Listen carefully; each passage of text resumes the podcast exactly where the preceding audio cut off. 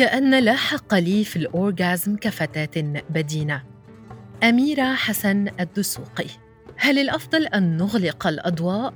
لعله شريكي يتخيل امرأة أكثر رشاقة مني إذا كان هذا ما يطمح إليه ولعلي أتخيل أنني امرأة أرشق فهل هذا ما أطمح إليه؟ كان علي اختيار وضع جنسي لا يظهر دهون البطن رؤية عين الشريك أثناء ممارسة الحب لم تعد متاحة لأن العيون أحيانا تكون زائغة على تلك الكيلوغرامات التي تفصل بيننا. هل هي نظرات تأمل أم نفور من جانبه؟ أعطيه ظهري تجنبا لتلك النظرات وتلك الطبقات المتكتلة من الوزن الزائد في الظهر. ليست مثيرة أو جذابة أيضا ولكنها على الأقل يمكن التحايل عليها بالتمطي والتمطع كقطة حتى تتمدد تلك الطبقات الدهنيه ليبدو ظهرا مقبولا وعاديا للحظات من ممارسة الجنس المليء بالأفكار والتشتت من جانبي.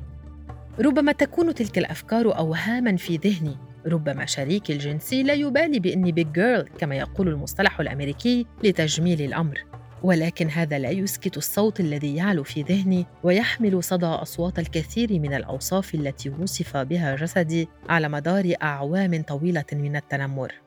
ويتعاظم هذا الصوت ليتحول إلى حاجز غير مرئي بيني وبين المتعة الجنسية وكأن الفتاة البدينة ليس لها حق في الأورغازم وكأنها تخشى أن تجعلها تلك الرعشة تفقد السيطرة على جسدها قد تظهر عيوبه أمام الشريك في تلك اللحظة الحميمية. قدراتي على ممارسة فن الإغراء تشبه بالضبط قدرات القرد على قيادة السيارات، فهو معه آلة أضخم منه بكثير لا يعرف كيف يستخدمها ولا يدرك آلية قيادتها لتصل به إلى وجهته. في حالة قلوب الرجال وإعجابهم وخبراتي في اختيار اللانجوري والملابس الداخلية لفترة طويلة من عمري ظلت مهارات ضعيفة يمكن وصفها بالمحزنة وكأن هناك رفضا بداخلي للتعامل مع هذا الجسد أو حتى محاولة تجميله لم أرد شيئا سوى أن أكون رشيقة وهي محاولات دائما ما كانت تبوء بالفشل وهذا ما جعلني أرى الأنظمة الغذائية الصحية وكأنها وحش يطرق على بابي ينوي تناول طعامي بدلا مني ويتركني اتضور جوعا. وبين الرغبة في فقدان الوزن ورفض التعامل مع جسدي الزائد الوزن عشت في عزلة اختيارية عن هذا الجسد.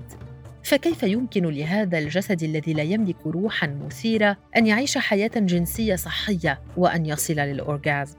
لماذا لا ترقصين لي؟ ألم تعودي تفكرين في الجنس؟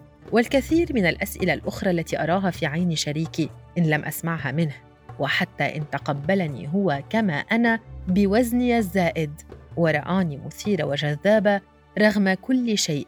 كيف يمكن لي أن أتقبل أنا جسدي بعد سنوات أخبرني فيها العالم أن الفتاة الممتلئة ليست جذابة؟ كيف أرى نفسي جذابة رغم الكيلوغرامات التي تثقلني؟ وهذا هو السؤال الحقيقي الذي يفترض طرحه.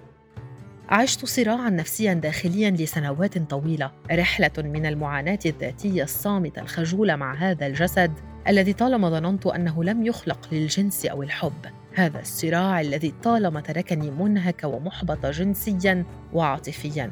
شعوري أنني يجب أن أغير من شكلي حتى أحصل على المتعة التي أريدها كان يزيد في الصراع الداخلي بين رغبة الحب غير المشروط وبين النزول على أرض الواقع بعيدا عن الأحلام الرومانسية والتفكير بعقلانية عن ضرورة ظهور المرأة في كامل رونقها وجاذبيتها أمام شريكها.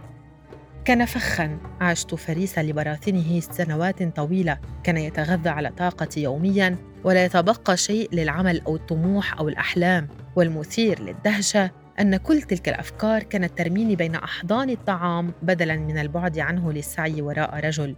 وكأن الطعام أصبح الملاذ الآمن بالنسبة لي. وكأنه أصبح شريكي في الحياة الذي لا يعترض على مظهري. ولكن هذا الوضع تغير خلال العام الماضي وتلك ليست قصة تنمية ذاتية أو بشرية ملهمة فهي على النقيض تماما. فأنا على الرغم من استماعي للكثير من الكلام المحفز عن حب الذات وتقبلها كما هي وعن أهمية أن تحب نفسك حتى يحبك الآخرون فشلت بكل صراحة في تقبل وزني الزائد. وتسبب هذا الإحباط الجنسي والعاطفي في زيادة القلق المزمن الذي أعانيه منذ صغري. وصودف أن كتب لي أحد الأطباء النفسيين عقارا مهدئا لمدة أسبوعين فقط ولاحظت أن من أعراضه الجانبية انعدام الرغبة الجنسية تماما ولذلك ودون استشارة الطبيب. تناولت هذا العقار خمسة أشهر. خلالها تناسيت أن لي جسدا من الأساس وشعرت أن الرغبة الجنسية كانت مجرد عبء على نفسي وتخلصت منه. لم أزر مركز التجميل لشهور ولم أنظر في المرآة وقضيت كل هذا الوقت في القراءة والعزلة والتلوين أحيانا وبالطبع في تناول الطعام. فقد أصبح حرفيا المتعة الجسدية الوحيدة التي أفضلها وأصابني زهد في الجنس لم أجربه من قبل في حياتي. واقع الأمر أن هذا العقار واستخدامه طوال تلك المدة كان يعبث بهرموناتي ويدمرها. وحتى عندما انقطعت دورتي الشهرية أربعة شهور لم أهتم وجاءت تلك اللحظة التي نظرت في المرآة لأكتشف أن وزني زاد أكثر وأني تحولت إلى شخص آخر ولم أذهب إلى طبيب النساء إلا بعد إلحاح أمي. هرمون اللبن يجب أن يكون معدله الطبيعي في الدم خمسة كان معدل الهرمون في دمي 150 وهذا بسبب العقار الذي كنت أتناوله فرحة أنه يقتل رغبتي الجنسية. فقد حولني إلى جسد امرأة خاضت الولادة للتو حتى أن ثديي كان يدر لبنا في اللحظة التي أخبرني الطبيب أن زيادة هرمون اللبن بسبب العقار وبسبب التوتر. أدركت فداحة ما فعلته بجسدي. أدركت أني كرهته حتى بدأت في إيذائه. كان وقع الصدمة علي شديدا. وخاصة بعد أخبرني الطبيب أني في حاجة إلى كورس كامل من الهرمونات حتى يعود جسدي إلى طبيعته مرة أخرى.